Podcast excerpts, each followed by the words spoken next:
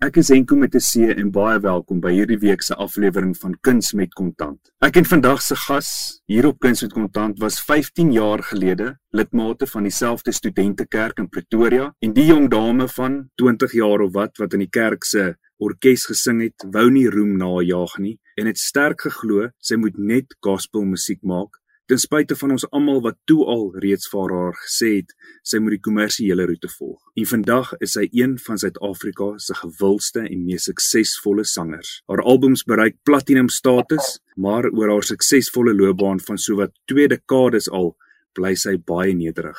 Rihanna Nel, baie welkom op Kuns met Kontant. Ag, dankie Henko, dis so lekker om met jou te gesels. Jy het destyds ook vir ons gesê toe jy daar in die kerk gesing het dat jy wil net liedjies maak wat mense aanraak. En vandag het jy die platform, hierdie groot platform waarmee jy dit regkry. Maar is ek reg as ek sê dis ook nie 'n gemaklike plek om te wees nie, veral omdat jy iemand is wat nie daarvan hou om roem na te jaag nie. Ja, weet jy, ek dink baie mense sal altyd vir jou sê as jy bietjie meer bekend geraak het of sê net maar mense begin jou herken of so. En veral as jy begin tydskrif voorblaaie kry en jy begin mense se kommentaar kry, begin mense vir jou sê, "Ja, maar jy het dit gekies, man. Jong, dis mos wat jy wou gehad het." So, hulle los jou altyd met daai jy mag nie kla hieroor nie. Jy wou dit gehad het. So as mense nou lelike goed oor jou sê of as mense mooi goed oor jou sê, moenie kla daaroor nie. Jy het dit gesoek en dit is snaaks soos wat jy sê in die kerk. Ek wou net sing en ek wou die boodskap van ons Jesus Christus uitlewe in my musiek en deur my musiek. Saam met dit kom daar baie ander dingetjies by wat ek al geleer het in my lewe om te stuur, hoe om dit te hanteer, maar kyk dit vat ook 'n paar jaar en ek leer nog steeds elke dag hoe om deur dit te wandel as ek nou so kan sê want dit is waarlik ietsie wat nie altyd maklik is nie maar dit is verseker 'n groot groot voorreg met Covid soos jy nou ook weet ons almal het baie veranderinge deurgegaan toe hierdie snaakse seisoen aanbreek ja. ek sit toe daar en ek het 'n borg motor gehad wat hulle vir my gegee het om mee te ry en ek moes dit teruggee wat vir my heel verstaanbaar was. En ek het ook vir my platenmaatskappy liedjies geskryf waarvoor hulle my bedragie betaal het, jy weet in 'n maand en wat ek ook verloor het en dan het natuurlik al ons optredes en al daai goedjies het verdwyn. Ek het 13 Maart 2020 het ek my derde babatjie gehad en toe het ek sommer nog 'n babatjie gehad in Covid en as 'n mamma van 3 klein woelwatertjies en dan nou een pasborige babatjie was ek so verlig om nie meer optredes te hê vir daai paar jaar nie. Was so verlig om nie te hoef te reis nie en weg te wees van die huis af nie. Natuurlik in my agterkop het ek gewonder, "Oké, okay, hoe gaan ons nou hierdie doen?" Gelukkig het ek finansiëel beplan vir my swangerskappe en ek het daarom ietsie weggesit elke maand en so aan om hierdie rukkie saam met my kinders te kan wees. Dis jy waarlik kan glo dat God die beste vir jou het. Dat hy soveel meer vir jou droom en die jy weet die einde kan sien van die begin af. Hierdie liefdevolle Vader wat elke haartjie op jou kop ken. Jy kan hom vertrou in jou finansies. Jy kan hom vertrou in voorsiening.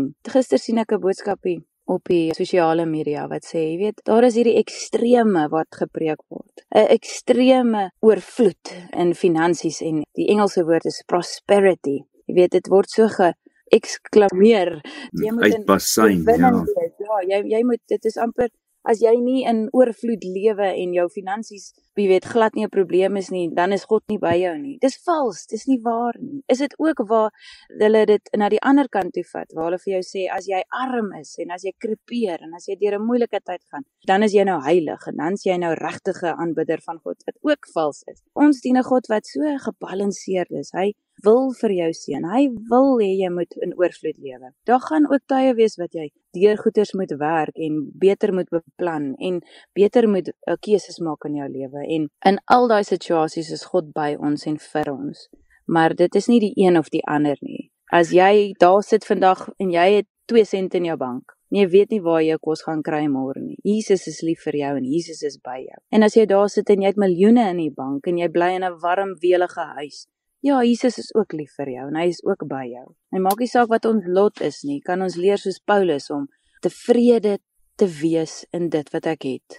Rihanna, daar was ook al 'n tyd en ek is seker baie tye in jou lewe waar jy self swak gevoel het want so rukkie voor of kort voordat jy en Cornel getrou het en julle is nou al hierdie jaar 10 jaar getroud en julle is vier seentjies ryker maar voordat jy vir Cornel ontmoet het het jy ook deur 'n laagtepunt gegaan waar jy op 'n stadium gesê het ek het geen loopbaan nie, ek het geen man nie, ek het geen huis nie en ek het geen rigting nie en eintlik geen hoop nie. Hoekom sê jy sê was jy op daardie stadium op so 'n laagtepunt geweest want toe was jy eintlik een van ons voorste en grootste sangeresse op daardie stadium gewees. Elke mens het 'n behoefte aan aan 'n maatjie en en ja, en ek dink in my loopbaan, jy weet, ek vind dit seker net nie hoeveel van my vriende het al vir my gesê, ons wens jy kan jouself sien soos wat ons jou sien of soos wat ander mense jou sien. En dink ek altyd by myself, jy weet, ek kyk nie na myself soos wat ander mense na my kyk nie. Ek dink nie aan myself as bekend nie. Ek dink nie aan myself as suksesvol nie. Ek weet nie, ek dink nie aan myself soos dit nie. Ek dink ek is te geneig om my eie foute en tekortkominge te sien. En op daai stadium was ek hopeloos want ek het net gedink ek verdien dit nie. Ek het nie gedink ek verdien 'n man nie of kinders of 'n goeie loopbaan nie. En ek kon nie my sukses half sien nie. Ek kon dit nie indrink nie. Ek kon dit amper nie geniet nie. Hmm. want dit was nie wat sukses was in my hart daai tyd nie. Nou nog as ek op die verhoog staan, is dit nie hoe goed ek die liedjie gesing het nie, maar het ek die teenwoordigheid van God gevoel. maar dis ook oukei okay met my, sal ek sê. Ek is alright met dit. Ek is oukei okay daarmee om nie hier op aarde te voel asof ek iets behaal het nie. Maar dit los my ook in 'n plek waar ek sal aanhou probeer. ja. Was jy al ooit op 'n plek in jou lewe waar jy na mense gekyk het om jou te help? maar waar hulle jou dan nie kon help nie. Dalk spesifiek waar jy dalk al finansiële uitdagings in die lewe gehad het en waar waar mense jou net nie kon help nie, maar waar jy na hulle gekyk het vir hulp. Ek is seker jy dan daardeur ook tot die besef gekom dat jy maar net moet vaskla aan die Here ongeag of die mense na wie jy kyk vir hulp jou nie kan help nie. O ja, verseker, ek dink ons almal staan op 'n stadium en kyk met groot oogies na iemand anders vir hulp finansiëel en so aan maar ek het um, op 'n stadium in Londen gebly vir 4 maande en ek het absoluut gebreek daar. Dit was vir my aklig. En uh, ek het teruggekom met my sterktes in my bene en um, ek het genadiglik kon ek bly by 'n vriendin van my verniet. Kan jy glo? Ek het begin liedjie skryfklasse gee uit haar huis uit in die deur die dag en uh, so 'n paar rand begin verdien en elke keer het ek gesien dat as ek na mense gekyk het vir voorsiening, dan daar was mense en die, die gevaar is wanneer jy mense kry wat jou help finansiëel dan maak jy te veel van daai mense. En hulle begin amper jou redder word. Het sy dit die bank is of jy weet 'n ma of 'n pa wat instaan of 'n man of 'n 'n werksgenoot of jou baas of 'n ryk vriend of vriendin. Ek het mense gehad so, byvoorbeeld my platemaatskappy het my baie uitgehelp in die begin. Geldjies het hulle my betaal het om liedjies te skryf vir hulle ander kunstenaars het vir my waarlik hou vasgeraak op 'n stadium. Dis hoekom ek gesê het toe COVID gebeur en die kar word weggevat en die liedjie skryfgeld word weggevat. Was dit die beste ding wat ooit my gebeur het want dit amper die stronghold gebreek ja. van kyk na my maatskappy om vir my te voorsien Ek het so baie gemaak van daai bedrag geld wat hulle vir my gegee het, dat ek op 'n stadium besef het maar ek maak te veel hiervan. Dit is asof dit 'n houvas het op my. En dan kan ons almal ook getuig in die klein dingetjies, jy weet, wanneer jy sê net maar gedink het, "Jog, ek moet nou hierdie ding betaal, maar ek het nou nie geld daarvoor nie en ek weet en dan sal daar ewe skielik ietsie kom van Sampra. En Rihanna, ek wil graag met jou gesels. Daardie oggend by daardie begrafnis van die seentjie wat oorlede is en jy toe spontaan op die ingewing van die oomblik hou die hemel oop se woorde begin sing het vir die ouers. En vandag is daardie een van die grootste grootste radiotreffers want almal kan daarby aanklink vind. Kan ons gesels oor hoe dit gebeur het want ek het net 'n kort uittreksel van 'n kort video gesien wat die ouers gesê het jy moet dit asseblief op sosiale media deel en wys wat daardie oggend daar in daardie kerk gebeur het met daardie kind se begrafnis. Ja, ek vertel dit graag. Ek en Monica en Richard, ons is nou baie goeie vriende. Weet as mense pad stap met iemand en jy jy gaan deur sulke oomblikke, dan is dit asof God jou bymekaar voeg. En daai oggend, ek het nie op daai stadium vir Monica geken nie. Sy was 'n mamma in my seentjie se klas, haar seentjie Eugene. Hy was saam met Christian in die klas gewees en toe ek die boodskap die Saterdag kry dat Eugene verdrink het, was my hart geroer en ek het onmiddellik vir haar 'n boodskap gestuur en vir haar gevra, "Hoe kan ek help?" Kan ek kom tee bedien, kan ek sing by die begrafnis, is daar iets wat ek kan doen om om jou by te staan en sy het gesê dit sal so lekker wees as ek sing. En ek het toe die oggend daar opgedaag by die begrafnis en jy weet jy ken niemand nie, jy ken nie hierdie familie nie en jy stap so by die deurtjies in en jy sien die foto's van Eugene by die voordeur by die ingang van die begrafnis en uh, ek praat toe met die ou wat gepreek het ook wie ek ook goeie vriende mee geword het, Rolf. En hy vertel my toe bietjie van die paartjie en waar hulle is.